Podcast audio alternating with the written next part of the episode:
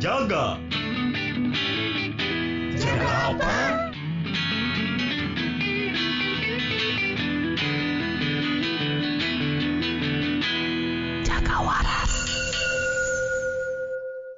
Selamat gini hari warga Jagawaras, selamat datang di program Jaga Terang episode ke-6. Pada episode kali ini kita akan berbicara tentang karir di NGO atau non-governmental organization. Pada episode kali ini kita sudah kedatangan kembali Bro Rizal. Yo Zal, apa kabar Zal? Gimana Halo. COVID-nya? COVID-nya kayaknya masih ada sih eh, di dalam diri ini. Tapi Ya, udah kalau- mau keluar. Kalau warga Jagawaras kemarin sempat dengar yang episode WHV itu Jaga Terang eh, lagi nggak ada Rizal karena waktu itu masih recovery dan sekarang kayaknya masih belum 100% ya Zal ya. Tapi sudah jauh Belum. membaik. Membaik, eh. Sangat Ya, ya. membaik. Sekarang mah udah bisa ngobrol enak. Kemarin anjir ngobrol sigana dua kata teh capek. Asli, cina ngangkat galon oge saya. Wah, wah. Tong borong angkat galon. Reka WC bangun tidur, jalan tengah-tengah teh ini berhenti dulu, men. Asli. Anjing capek ya. Lempang di KWC. Wah, kacau. Ya, itulah. Tapi sekarang mah sudah better lah jauh. Eh, kemarin eh, untuk memenuhi kebutuhan dasar kumaha ya, Zal? Aya tetangga nu mere atau kumaha? Aman euy kan kemarin teh yang didongengin di episode awal teh gini kan satgas RT RW Oh iya, ha, ha. satgas covid RT RW itu teh udah apa namanya ada gitu aya mana Hmm. teh si berfungsi dengan baik lah itu Hmm. si satgas teh jadi katulung pisan kebantu pisan sama si satgas eta RT RW. si Terbaik. datang itu. Pak RT mantap nuhun pisan Pak RT RT 03 RW 06 eh, kelurahan Sadang Serang mantap Pak nuhun Ya, pada episode ke-6 eh, kita bakalan bicara tentang karir di NGO nih, Zal. Em, sebelum di kerjaan yang sekarang kan eh, sebelumnya pernah gawe juga ya, Zal, di NGO yang kalau nggak salah dari Jerman ya, Zal, ya di daerah Mentawai. Betul. kira-kira gimana sih eh, maksudnya kenapa sih kerja atau berkarir di NGO teh sebetulnya menarik gitu, Zal? Kalau saya sih waktu itu awalnya mah apa ya bisa kerja di NGO teh di kampus kampus teh kerjasama sama salah satu organisasi Oh, ya ya ya. buat apa ya baseline riset kalau nggak salah mah waktu Ya itu ya, ya. tentang apa ya? Disabilitas lenza. disabilitas ya tentang di, anak dengan disabilitas Ya, ya, waktu ya, itu ya. teh. Set, gitu kan gabunglah di situ sebagai enumerator eh, kuli Ya, data Oh, enumerator teh pada nanap teh kulit datanya. kuli Oh, data gitu. Ya ya ya ya. ya. mining data ta eta nambang data warga lah.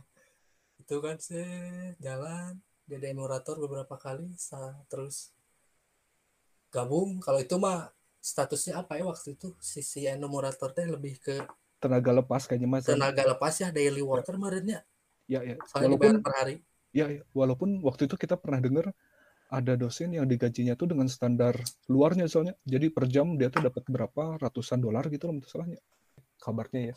soalnya sih anu orang eh tahu ge naonnya mereka untuk si ya hal-hal honor segala gitu teh emang punya ini sendirinya apa grade itu istilahnya Oh ya, great great. ya kayak gitulah terkait itu sama Mhm. itu terus eh, daily worker beberapa tahun setahun dua tahun lah Hmm. sama mana ge pernah sih ya Jeff Oh aja waktu itu dengan ya NGO anu MC-nya soalnya anu di Eh. Amerikanya. Iya iya iya. heeh. program Mobile value Zal. Mobile value edition gitu. Eh. Pokoknya tentang UMKM tapi yang eh, banyak dilakukan oleh ibu-ibu Eh. gitu ya. Eh, Ya, ya, ya. Nah, itu kan sama mana beres dari situ coba apply buat jadi staff gitu ya karena Hmm. ya orang pikirannya juga waktu itu ah, orang karir di dia gitu ya mengawali hal itu di situ. Setelah coba deh. Next teh eh, pengen benar-benar anu kerjaan teh ngerjain si project nah gitu. Mhm. apply lah di situ teh ke si apa ya waktu pertama masih Save the Children gitu ya eh itu kita. Oh yang dari Jerman itu Mhm.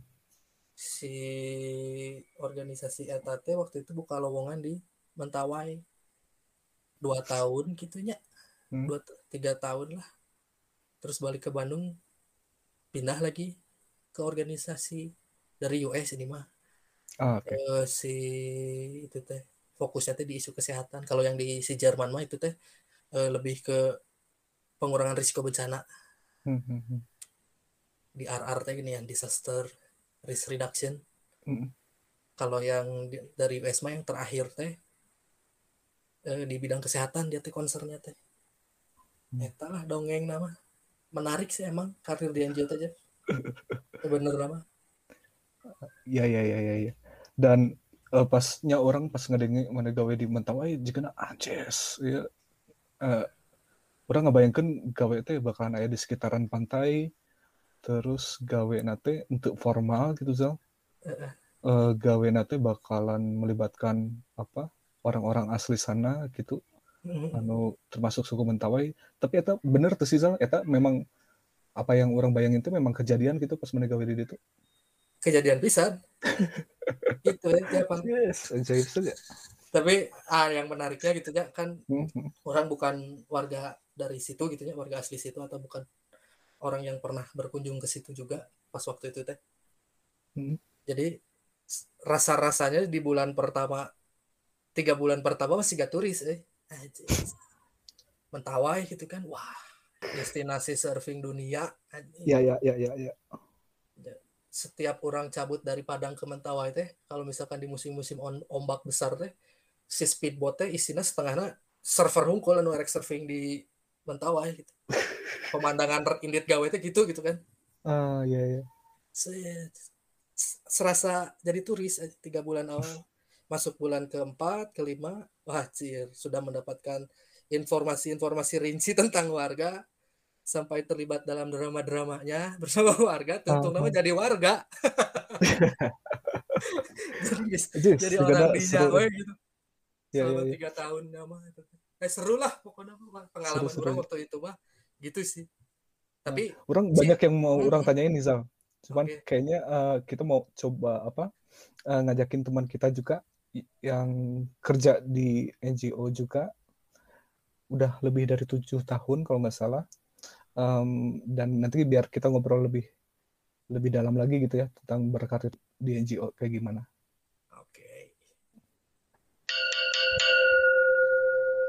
Ya, warga Jaga Waras kita sambut Hilman.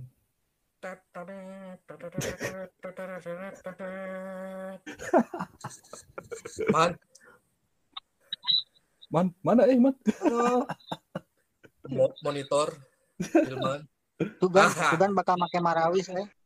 Nah, kayak di Marawisan, Man. Sesi kedua.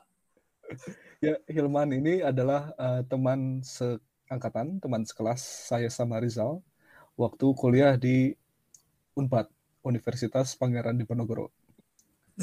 Universitas Padalarang. Terus ya Alvinnya. Pademangan. Orang mikir-mikir si Unpad jeung Undip teh kapatuker aja jar. Ya, Unpad kan kudu nama Pangeran Diponegoro, Undip mah Universitas di Pajajaran kudu nama. Ah, itu bisa sih. Ya. Kawan ya, Man. Man. Man, apa kabar Man? baik. Sehat. Selalu sentosa Man. merdeka. Posisi Kemar- masih posisi masih di ground, Man. Masih enak sudah mengground. Kumaha daramang eh? Sehat, sehat Man, pangestu. Alhamdulillah sangat sehat ya. Eh, sangat. Ya mencoba itu mah doa eh. sangat sehat, hayang sehat eh. Ini sedih pisan. Sebagai alumni Jal, sesama alumni Isoman Eh, Di endorse COVID juga ya Hilman di sama. endorse COVID aja. Saya tidak pernah menyangka di endorse COVID. Anda mau mencobanya? Silahkan hubungi. Arisan ya mah COVID mah kayak si Jeffrey ada sih kan ting kocokan juga. Yo Tapi Man, vaksin akhirnya euy. Assignment keur di mana eh Man? Enak di Jakarta. Heeh, eh, Masih di Jakarta. terakhir terakhir tuh di Zum- di Sumba ya sebelumnya eh, Man. Terakhir di Lombok. Oh, Orang sorry. terakhir di Lombok. Eh, Di Sumbawa 2017 orang Oh, di. Sumbawa. Oh, di Sumbawa ya. Lamanya Man, man. orang di Lombok. Mhm. Man, Oh, kan eh, si Jaga Terang teh kan hari ini teh pengen ngobrolin tentang eh, karir di NGO gitu ya. Jadi udah selayang pandang sedikit ceritain ini meren Dev ya kronologikalnya Oh, kenapa bisa gawe di NGO gitu ya? Dan Eh, dengar-dengar mah salah satu NGO tersohornya Zal di Eh, dunia kayaknya. Kalau nggak salah dia pernah jadi sponsor klub bola juga ada Zal di Liga Italia kalau nggak salah. oh Fiorentina, Kirain. iya. Ya betul. kirain kirain Bontang FC bukan ada Bukan eh. Bener. oh Si Omas FC eh. siapa FC Coba. Mana belum pernah dengar kan? Si Omas FC. anjing eta domba cup juga nanya Bakap. eh man coba ceritain Hmm, secara kronologis gitu secara kronologisnya. Eh, Orang sebenarnya nggak pernah nyangka sih, anjir. Orang kalau dipikir mah dari sejak lulus emang karirnya dari situ gitu ya, nggak nggak apa, nggak pindah-pindah gitu di bidang NGO terus nggak tahu istiqomah, nggak tahu terjebak saya. tapi, tapi emang orang menghitung eh, sejak lulus ya memang langsung di dunia NGO gitu. Eh, sebetulnya nggak Hmm. pernah kebayang sih bakal bakal bertahan lama gitu ya di dunia kayak gini gitu. berapa lama man Hmm. sorry man Orang Berarti- dari 2014 sih Gana kerja di eh, NGO ya. Hmm. 2014 tahun. sampai 2021 berapa tahun? Jalan tujuh tahun ya si Gana ya. Hmm, oke oke Oh. terus terus terus Oh, gawe di sana udah tujuh tahun statusnya eh, tetap eh, atau kontrak atau ada istilah yang lain, Bang? Ah. Semuanya pernah dialami. Berarti Aina tetap dong. Ah, Aina tidak. Oh gitu. Aina sudah tidak. dibalik ya? Jadi ah, memang eh, dinamikanya dinamis pisan deh. Beda dengan eh, ini ya. Orang orang nggak pernah punya pengalaman di dunia profit. eh, tapi eh, sepertinya beda gitu. Sewaktu-waktu kita bisa jadi pegawai tetap, tiba-tiba besok jadi kontraktor lagi bisa. Kalau di dunia NGO memang sedinamis itu gitu, Jeb. Eh, lu Ah, dalam setahun kontrak bisa jadi tiba-tiba udah jadi pegawai kontrak setelah itu lu bisa jadi bukan karyawan lagi cuman konsultan misalkan kayak gitu Ah, gitu sih kayaknya itu juga ada kaitannya sama uh, hukum yang berlaku di kita sih Jeb termasuk uh, ada pengaruh juga uh, sama omnibus law kemarin yang rame-rame itu orang sih ngerasa sangat pengaruh gitu. Karena ini ya apa setting kerjanya juga beda kan sama profit. Sumber pendanaannya beda cara kerjanya beda cara mengelola dananya juga beda. Jadi ya make sense sih uh, Hmm. sedinamis itu. Maksudnya dengan adanya si Omnibus Law eh, di mana pekerja dengan status kontrak itu bisa up to li- lima tahun ya, Man. Itu tuh bahkan lebih banyak gitu maksudnya persentasinya. Termasuk di NGO atau gimana? orang nggak nggak terlalu paham ya tapi uh, se- Hmm. kalau sebelumnya nih uh, Hmm. orang nggak orang belum terlalu begitu mendalami soal uh, isu omnibus law itu tapi salah satunya kan uh, ada uh, yang apa namanya kita bisa dikontrak terus tanpa ada batas waktu kan kalau dulu ada ada batasan sekian kali dikontrak Ya, ya. uh, karyawan ini harus pegawai tetap gitu kan istilahnya Ya. pegawai Dua, waktu dua tahun tetap kan sebelumnya. Iya, dua Mhm. tahun atau berapa kali perpanjangan. Nah, sekarang Ya, ya. dengan dihapusnya itu kebutuhan apa namanya jadi seolah terakomodir gitu jadi sehingga untuk NGO yang sumber pendanaannya juga dari publik gitu kan itu kan beda ya Eh, jadi bisa jadi kalau misalkan terus karyawan tetap sementara terikat dengan undang-undang hmm, pembiayaannya juga lumayan berat nih untuk NGO yang dananya dari publik gitu kan mungkin ya sehingga ya. bisa jadi eh, kontraknya terus kontrak gitu karena based on project kan Hmm. sesuai dengan pendanaan hmm, tersedia atau Hmm. enggak gitu kan beda kalau sama dari profit kan misalkan eh, pabrik atau apa eh, itu kan sumber pendanaannya dari produk yang dikeluarkan kan sementara kalau kita kan enggak gitu ada masa kerjasama gitu sih Ya, ya. Waktu rekrutmen gimana ya, Man? Ceritanya? Hmm, biasanya rekrutmen uh, kalau misalkan uh, teman-teman pada tertarik misalkan berkarya di dunia NGO ini ada ma- uh, mailing list ya yang sangat legendaris Mailing listnya apa kak? Aku mah taunya grup ini Oh, iya. grup iya lain. ya apa? Nah, itu eh, mailing list itu kan eh, teman-teman lain juga udah pada tahu kali ya yang di dunia ini itu kerjaannya memang seputar eh, kerjaan-kerjaan eh, terkait eh, development ya. Developmental job Ah, ya. developmental job Uh, UN lu kalau misalkan mau kerja uh, cari lowongan kerjaan UN ILO uh, apa uh, FAO uh, Hmm. apalagi UNHCR nah itu biasanya ada di situ atau lembaga-lembaga uh, NGO internasional lain itu oh, di orang NGO teh namanya yayasan lah LSM Hmm. ah LSM cuman Ya, kan ya, kadang ya. konotasi di kita LSM kurang enak ya Bergeser ya. gitu. Jadi orang kadang serba salah kerja di mana NGO apa dibilang LSM nanti konotasinya aneh gitu kan dibilang yayasan ditanya pondok pesantren gitu kan ya kan tapi di kita memang eh, padanan yang tepat kayaknya itu sih LSM atau yayasan kayak gitu kan Yayasan ya. nah itu Ya, khusus ya, di ya. situ gitu di subscribe Ya, ya, itu Kalau di awal tahun 2000-an tuh sebetulnya istilah yang sering tuh ornop malah man.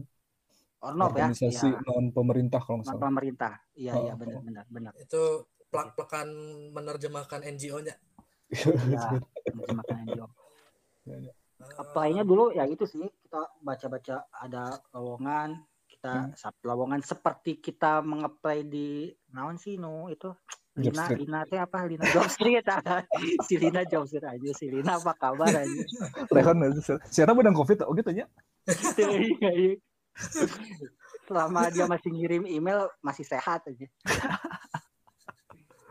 ya sama-sama cuman kan kalau Job Street kan mm, umum ya nah kalau si mailing list itu eh, apa namanya spesifik di isu itu ya kurang lebih gitu sih apply apply seleksi hmm, ya gitu. Setiap organisasi pasti punya standar prosedur beda-beda gitu kan. Uh, orang juga nggak bisa ter- cerita terlalu detail soal itu gitu kan. Mana tahu itu proses itu kan juga kadang bisa jadi rahasia uh, organisasi ya. Ada hal-hal yang Mhm. konfidensial jadi orang mungkin nggak bisa juga terlalu cerita banyak di situ tapi pada umumnya sama.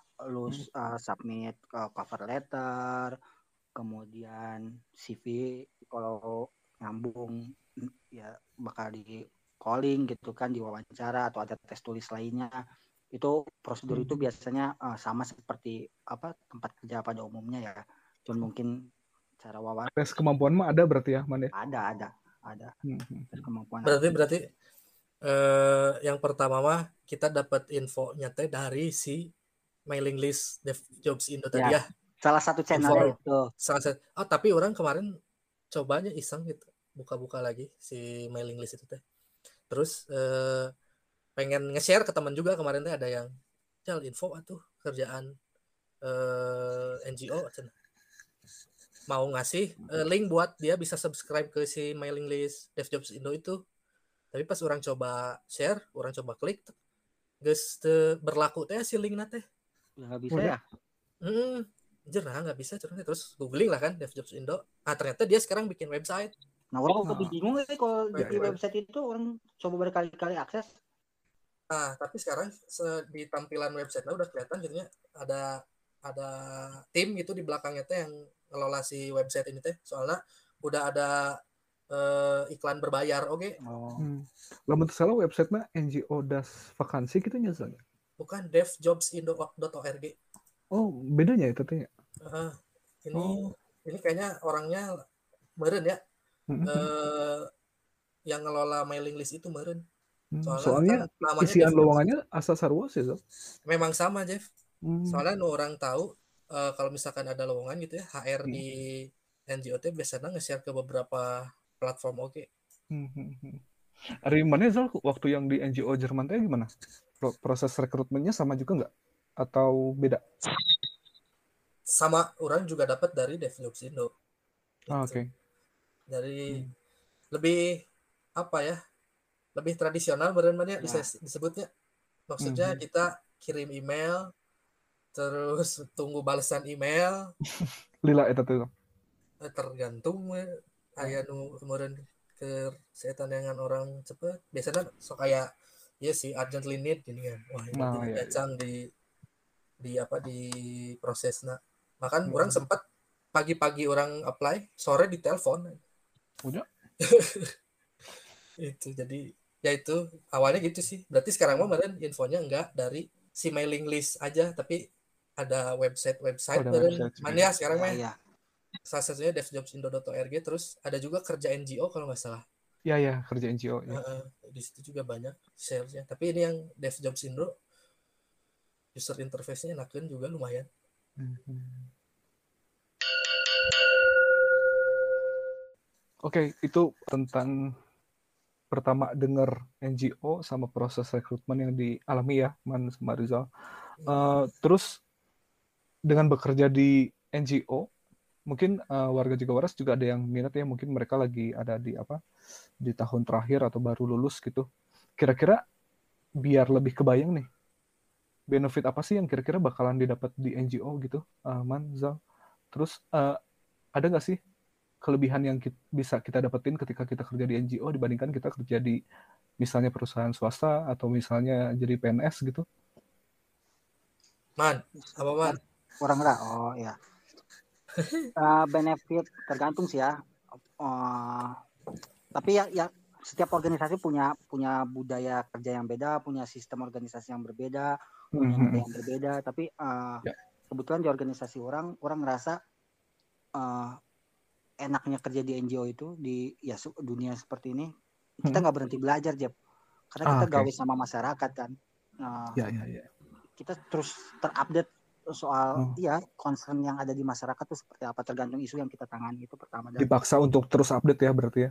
ya dan kita Mhm. bukan cuman hanya update tahu permasalahannya kalau di organisasi orang ini orang ini dikapasitasi gitu selalu dikapasitasi eh, untuk menyikapi isu-isu baru. Eh, kalau misalkan isunya soal lingkungan pasti ada update ilmu pengetahuan penelitian atau pendekatan yang lu pasti dapat gitu. Pasti Oke. di, di di di di bahasa tanda kutip dikuliahin gitu. Oh, Dan- dikasih training gitu man atau kasih ma- training ya Hmm. kasih training pasti gitu. Karena eh, kita juga kan harus eh, update terus ya eh, respon isu itu. Nah kalau misalkan Hmm, benefit lain yang sifatnya itu sifatnya kan eh, pengembangan diri ya ke knowledge. Kalau yang sifatnya material tiap organisasi beda-beda. Yang pasti kan eh, pasti ada salarinya kan. Nah biasanya yang beda itu tunjangan-tunjangannya tiap organisasi beda. Nah Hmm. eh, nah orang juga mungkin nggak bisa cerita terlalu detail di bagian itu. Tapi yang pasti Hmm. biasanya eh, bukan cuman salari tapi ada juga eh, tunjangan-tunjangan lainnya yang tiap organisasi punya eh, beda-beda gitu. Itu Hmm, sih. hmm. Tapi yang yang Kalau- paling worth it untuk dipertimbangkan sih itu kalau misalkan kita haus gitu ya sama Mhm. eh, dunia du- apa perkembangan dunia itu itu yang paling ini sih karena eh, bakal terus belajar sih Ya ya ya. ya, ya. sih gitu Misalnya ditanya selama gawe di NGO tempat mana sekarang work life balance atau gila kerja gayanya? Hmm, tergantung. tergantung. Tergantung apa nih? Mm, karena uh, kerja di NGO identik dengan gitu ya, waktu yang fleksibel, kadang kita sampai Ya, tengah ya. malam bisa kerja, nah, dan itu sebetulnya tergantung dari kita. Dan sekarang banyak organisasi yang mulai mengedepankan uh, life balance, Jeb.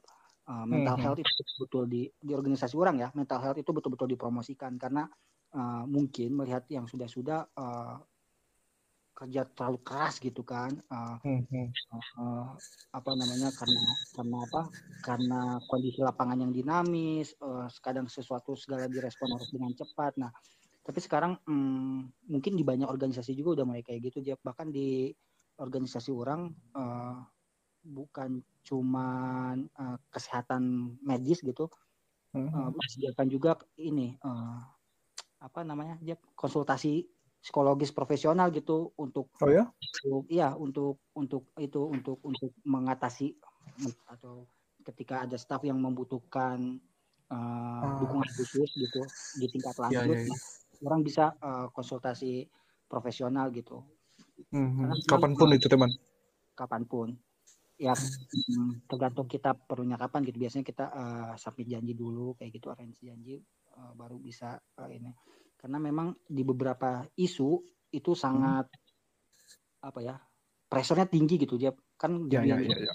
banyak setting ya. Ada yang kerja di bidang konflik ada yang ngurusin kasus-kasus Ya, ya. tinggi gitu kekerasan kasus KDRT misalkan bahkan sampai uh, kasus yang menguras energi gitu kan. Nah itu orang sih ngerasa perlu banget gitu. Kadang orang stres gitu nggak cukup dengan curhat gitu kan.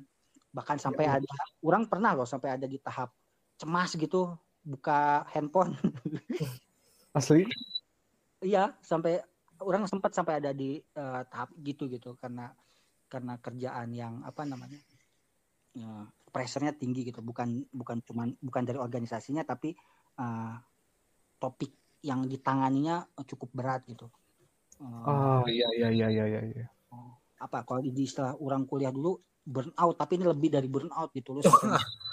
Iya iya iya. Anxiety itu kan udah psikologis nih. Mungkin pelajaran ya. dari situ sekarang organisasi mulai mulai memperhatikan itu sih. Bahkan ada ya, ya. program-program khusus kayak uh, apa uh, support sebaya uh, untuk itu apalagi kerja-kerja humanitarian di emergency itu kan juga dulu kemarin kayak gempa di Palu gitu-gitu kan. Ya.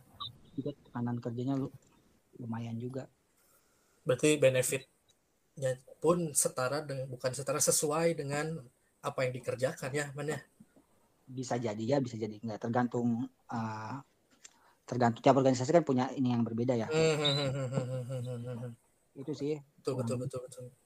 Berarti uh, beruntung sekali saudara Hilman bekerja di organisasi yang sekarang. Nah terus Zal, kalau waktu gawe di NGO anu di Mentawai itu ya kumaha benefitnya? Okay. Sama kultur atau gaya kerjanya gitu di sana gimana?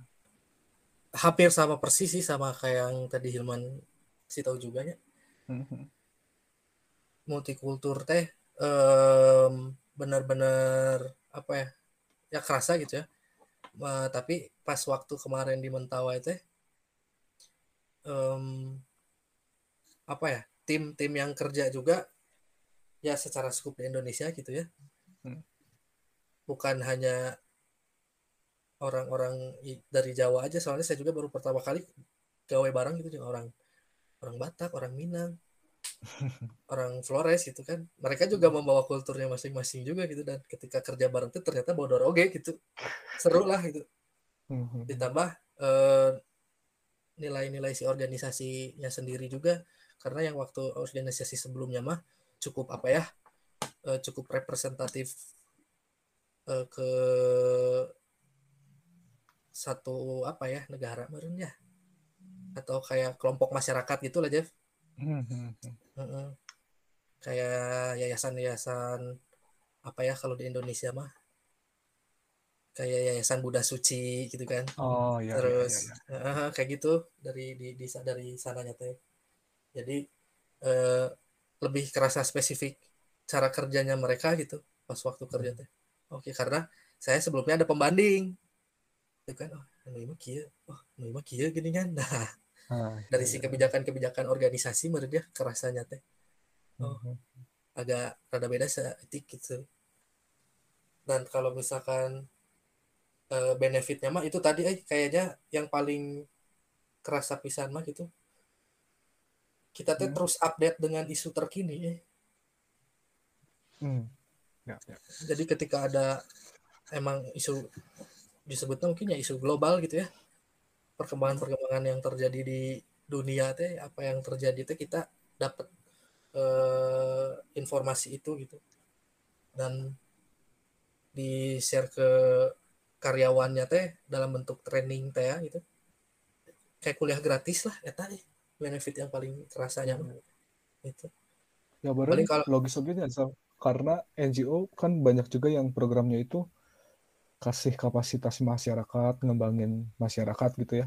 Ya mungkin sebelum bisa ngembangin ke masyarakat, si NGO-nya ya mikirinnya gimana si staffnya atau orang yang kerja di NGO ini punya kemampuan untuk itu juga berarti makanya terus di upgrade, update gitu ya. Ya sesuai kebutuhan ya isu di lapangan tadi itu teh ya ya. Jadi jadi udah jadi kebutuhan ya gitu ya tamah itu bukan bukan kita mah meren nyari saya juga pribadi memandangnya itu tuh sebuah benefit tapi meren dari si sudut pandang organisasi mah emang keharusan itu untuk si staff teh di update terus informasinya karena untuk keberlangsungan si program-program teh ya. hmm. terus kalau misalkan uh, benefit yang paling kerasa saya sebagai warga banyak Mhm. Ini eh asuransi kesehatan dikasih sama NGO teh Ah, iya iya. sangat membantu sekali eh, teman. Ya, itu ya kan? Apalagi di situa- situasi kayak Asli, gini gitu. ya itu bakal wah membantu pisan. Ya. karena Kalau nggak salah itu- coverage-nya gede pisan ya, itu ya tergantung merenya itu setiap organisasi beda-beda juga meren tapi Hmm. yang jelas eh, kita dapat first class meren nyaman kahitungannya bisa jadi. ya kan? Orang tepat paham sih, tapi ya. Tapi yang saya rasakan gitu sebagai warga yang biasa BPJS acana gitu ya ketika didapetin sama itu teh wah enjoy. Gitu. Eta benefit sih menurut orang. Yang paling ini juga salah satunya selain yang tadi. Yang penting sih sekarang benefit kesehatan ya. Apalagi Mhm. yang umur-umur kita kan udah mulai apa? Anjing. Punya pasangan Iya itu punya anak gitu kan. ya, yang itu. ah itu. Waktu orang COVID ge orang yang lahiran kalau nggak pakai asuransi wah aing COVID repot. Oge we. Ku PCR lagi nggak nyekek eh. apalagi pas transisi teh pas bingung-bingung teh ini asuransi oke di di cover tuh nya ke orang di cover tuh nya ke orang si covid itu teh pas waktu itu. Nah itulah ya kurang hari yang saya rasain mah pa- apa ya beren dengan dengan dengan dengan benefit yang ada itu teh tentu kita teh da, pasti ada requirement ya untuk bisa mendapatkan itu teh. Pengalaman mana gimana Iya, man? iya. maksudnya ketika mau apply gitu ya kelihatannya yang dibutuhkan sama organisasi teh kandidat yang kayak gimana sih gitu. ada pernah ini nggak man maksudnya mana secara eh, tujuh tahun ke belakang konsisten berkarir di NGO teh Ya. ada itu nggak Yang orang lihat insight tentang itu soal rekrutmen organisasi ya NGO biasanya nggak rekrutnya orang yang kayak gimana Hmm. Ehm, gini mm, biasanya ini se se- sejauh pengetahuan orang ya sepertinya gini eh, setiap NGO kan kerja di bidang yang macam-macam aja ya ada yang kerja jal- ada yang kerja di kesehatan ada yang khusus Ya. untuk pencemaran misalkan lingkungan Pengungsi yang, misalnya. eh, pengungsi atau Hmm. ngurusin anak kayak gitu nah mm, biasanya Hmm. spesifik orang eh, yang dicari spesifikasi orang yang dicari yang relevan dengan itu dengan apa namanya dengan isu yang jalan. Misalkan eh, eh, terkait dengan eh, konflik lahan hutan misalkan pencemaran limbah misalkan. Pasti yang dicari yang eh, paham gitu minimal punya pengetahuan dasar soal pengolahan limbah pengurangan pencemaran atau eh, isu lainnya gitu terkait lingkungan. Kalau misalkan yang soal ham minimal tahu eh, ham hmm, pengetahuan-pengetahuan dasar ham atau kebencanaan dan sebagainya. Itu sih biasanya dicari yang paham dulu isunya gitu. Berarti itu mah kemudian kelihatannya dari iklan pekerjaannya juga udah Ya. ada nama si programnya rata-rata ya man ya? Iya biasanya ada di situ. Hmm. dan yang pasti tergantung kita mau eh, apply-nya di level yang mana gitu. Nah kalau udah yang agak advance biasanya sudah mulai harus paham teknis cara kerja eh, NGO itu biasanya gimana gitu karakteristik eh, NGO kerja administrasinya kayak gitu. Memang eh, administrasi NGO biasanya nggak seribet birokrasi ya. Eh, orang juga nggak terlalu nggak terlalu tahu eh, di pemerintahan gimana tapi hmm, kecenderungannya eh, NGO itu memang kerjaannya enggak eh, bukan gitu ya bukan kerja dokumen gitu tapi lebih banyaknya memang eh, tergantung posisi yang di apply sih tergantung posisinya.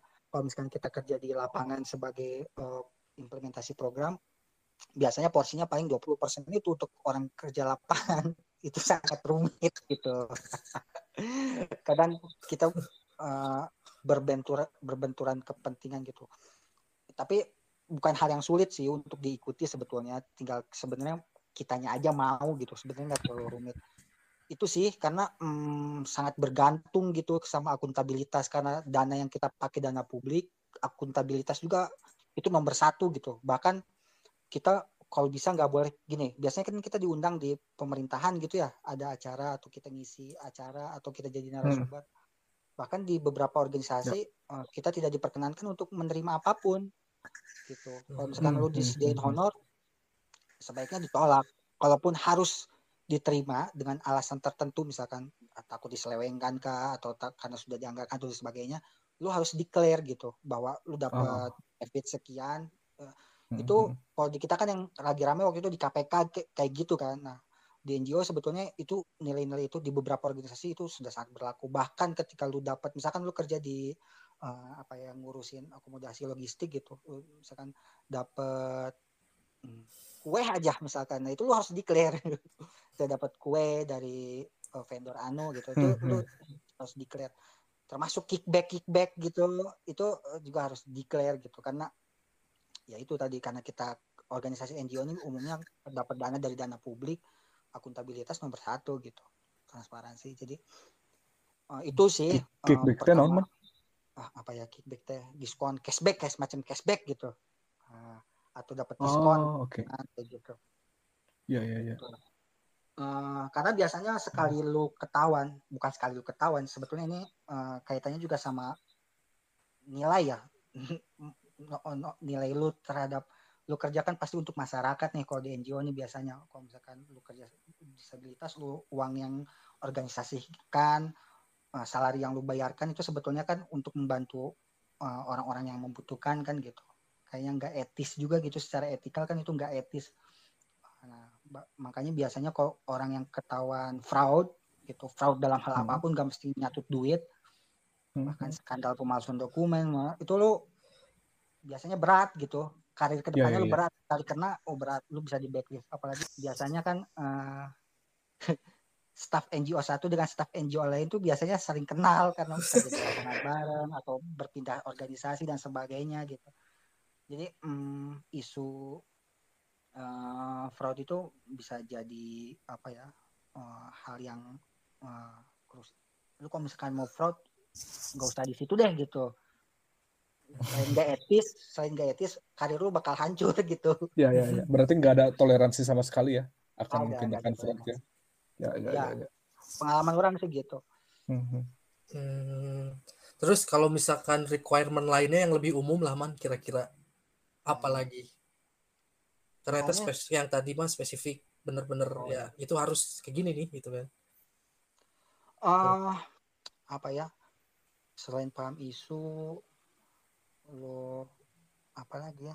Pengalaman sih tergantung level ininya. Dan lo ya yang hmm, jawabannya ini ya. Biasanya NGO tuh pengen jawab kalau misalkan di interview tuh umumnya hmm, jawabannya bukan pengen jawaban yang di langit-langit luas gitu. perlu respon spesifik. Cara bagaimana caranya mengatasi perubahan iklim misalkan? Jawabannya langsung teknisnya kumaha itu kapasar gitu. lah orang gitu kan. konkret. Jadi eh, di ranahnya tergantung mungkin ya, bukan tergantung di level lamanya di mana, tapi umumnya udah nggak nggak nggak terlalu penting. Teori secara teori juga penting, tapi pengimplementasiannya di lapangan lu mengaplikasikan teori yang lu dapat di kuliah itu juga penting gitu. Hmm. jadi uh, organisasi itu tahu bahwa lu betul-betul paham bukan cuma hafal gitu. Itu kan dua hal yang berbeda ya paham dan hafal. Benar-benar sih ngerasa gitu oh, ya. Okay. kayak misalkan um, kita kan kerjanya nggak bukan di tempat eh, nggak kita paham eh, ini dulu bersama bahwa kalau kita kerja di NGO rata-rata kita kerja sama masyarakatnya benar-benar sama masyarakat itu ya dari mulai oh, ya. eh, si pemerintahnya terus eh, sampai ke warganya gitu kan biasanya kalau kita jalanin program itu. Nah untuk untuk di kondisi itu gitu kayak apakah penting gak sih misalkan ketika kita program di eh, Flores itu kita harus bisa gitu bahasa Flores gitu Hmm, ya. Atau biasanya jadi requirement gak sih yang kayak gitu teh gitu? Atau uh, di beberapa kondisi ya, di beberapa kondisi ya karena kayak misalkan gini, contohnya sosialisasi kesehatan misalkan ya. Ada hmm. hal-hal hmm. yang kadang kita baru bisa orang-orang sana baru bisa menerima jelas dengan bahasa lokal gitu. Nah, karena di, di di di daerah itu apalagi yang sifatnya rural banget, remote area banget, kadang hmm. kan gak usah deh ke timur-timur. Uh, di kita aja orang di pantai selatan mungkin ada yang masih belum bisa bahasa Indonesia kan, belum fasih gitu bahasa Indonesia. Nah, biasanya bisa menguasai bahasa lokal, mengerti nilai uh, lokal itu di beberapa program, di beberapa proyek dan di beberapa posisi itu diperlukan banget sih. Di, di, lebih disukai oh biasanya bahasanya gitu. Uh, uh, lebih disukai ada di bawahnya pernah bekerja di daerah anu dan menguasai bahasa anu. Nah itu ada di biasanya di hmm. di di selembaran lowongan kerjanya ada biasanya itu di beberapa hmm. posisi. Dan biasanya kalau menguasai itu kemungkinannya besar gitu. Kalau misalkan uh, ada satu orang sama kuat kandidatnya tapi yang satu nggak bisa bahasa daerah yang satu bisa bahasa daerah mungkin yang bisa bahasa daerah ini lebih diutamakan. Menjadi salah satu pertimbangan kuat ya bisa bahasa tertentu bisa, ya iya tapi tidak menutup kemungkinan juga ya, tapi bisa. berarti ya akan lebih fleksibel ketika kita emang adaptif ya beneran gitu ya si orangnya ya itu hmm. gitu karena emang sih. kita ya apalagi kalau misalkan ada di tim emergency response gitu ya ter kejadian kayak kemarin gempa di Palu gitu kan pur ya mau nggak mau kita harus pergi ke sana dan emang ngerti juga gitu eh, kebiasaan orang di sana kayak gimana bahasanya kayak gimana juga bang. kalau syaratnya ya. kita ya. bisa adaptif mah itu nggak akan jadi halangan benar ya itu itu penting sih buat uh, yang karir di NGO biasanya apalagi yang uh, mau tertarik di implementasi program ya biasanya kan daerah-daerah intervensinya di remote gitu kemampuan adaptasi itu penting hmm. banget ya benar cek mana gitu oh, harus bisa menyesuaikan hmm bahkan gak menutup kemungkinan ada ada aja orang misalkan di daerah uh, tertentu harus nyirih misalkan. Uh, lu mau nggak mau harus nyobain ikut nyirih misalnya. Nah, atau lu bisa menolak menolak dengan cara yang sopan yang buat dia gak kesinggung gitu kan. Itu penting banget sih itu. Kalau enggak kita sulit struggle di situ gitu. Bener. Karena kita kerja hari-hari kan di sana mana juga pasti ngalamin lah waktu di Mentawai. Eh, adaptif mah hal yang perlu berarti ya kalau misalkan kita mau karir di NGO mah. Karena orang ada cerita sedikit waktu di Mentawai ya ada bodor oke. Kan orang mah bagi duren ya. Aing hmm. suka pisan oh. duren lah, bau nate edan bisa itu ya. Tapi di kondisi itu orang kudu dahar duren eh. Dengan tujuan orang mencoba untuk adaptif gitu tah. Wah, dan baru dak di kantor kayak apalin gitu ya orang tuh nggak suka duren gitu ya. mereka ada di situ gitu ya terus mending ningali orang dari duren surian itu tapi ya waktu itu dulu saya effortnya untuk adaptif teh sampai dinya gitu. Iya. itu nah ya, ya, ya. mungkin requirement kayak gitu man ya. Tapi nah ini juga man. Mungkin eh, nggak uh, semua orang tahu juga gitu kalau ya kerja di NGO teh nggak semata-mata kita berhadapan dengan masyarakat aja gitu kan banyak karena dalam satu tim itu kan ada banyak ya. Nggak nggak cuman tim tim lapangan lah gitu ya. Tapi ada juga yang uh, kerja kerja dokumen juga gitu ya. Oh ya. Dalam satu program aja man. Ada posisi apa aja sih itu jadi buat warga oh, jaga waras ya. nanti yang ngedengerin ternyata anjir orang nggak nggak bisa orang ada adaptif mah anjir. Orang kudu ngadahar duren sedangkan orang tidak suka gitu ya. Cerita pahitnya kayak gitu. Tapi orang tertarik kayak ada di situ gitu. Kan ada posisi-posisi apakah orang bisa ada ada banyak. nah apa aja sih itu teh? Satu program memang itu project gitu tergantung ya tapi uh, setiap program bisa jadi beda-beda ya. Setiap organisasi juga punya struktur yang beda-beda. Tapi umumnya yang biasanya yang ideal yang ideal gitu. ya biasanya ada keuangan ya pasti finance. Di situ ada finance hmm. ada juga logistik ya.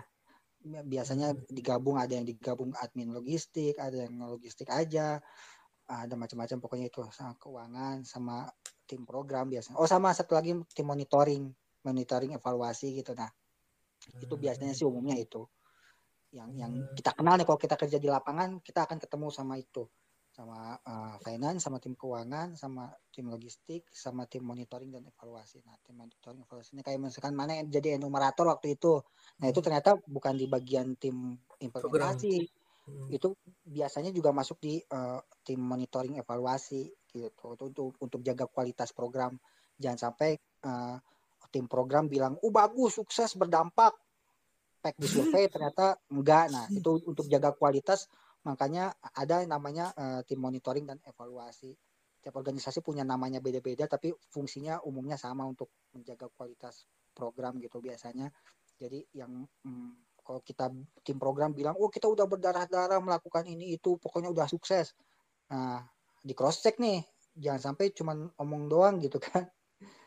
Oh, ada hmm. indikator tertentu yang disurvei, ada indikator tertentu yang dilihat.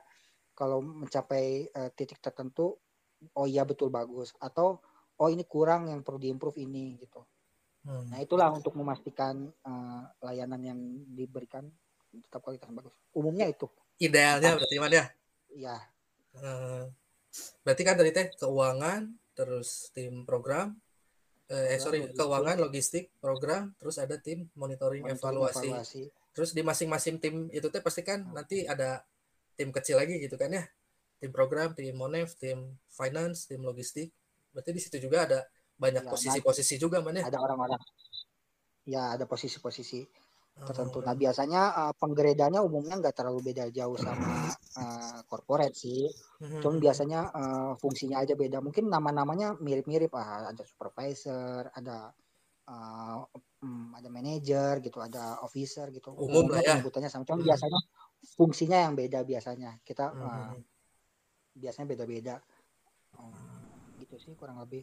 Oke itu jadi um, jadi ketika kita bicara dengan eh bicara terkait karir di NGO teh tidak semata-mata kita um, apa ya bahwa karirnya terkait tentang mentang-mentang tentang isu kemasyarakatan kita pasti kerja dengan masyarakat. Memang kerja untuk masyarakat tapi ada posisi-posisi tertentu di dalam program teh yang um, hmm. tidak harus mengharuskan untuk bersinggungan langsung dengan masyarakat tapi tetap uh, bekerja untuk masyarakat.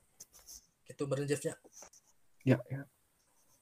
Mungkin butuh apa uh, profesi-profesi lainnya yang sebetulnya nggak ber, apa bersentuhan langsung sama masyarakat misalnya auditor kayak gitu ya soalnya hmm, monef ya orang monef ya ada HR juga kan?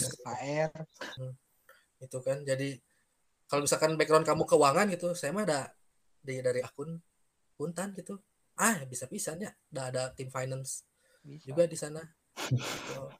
Uh, procurement juga ada di sana jadi ya. sebetulnya bisa kesempatannya juga buat siapa aja teh. Bisa juga gitu ya jaga jaga apa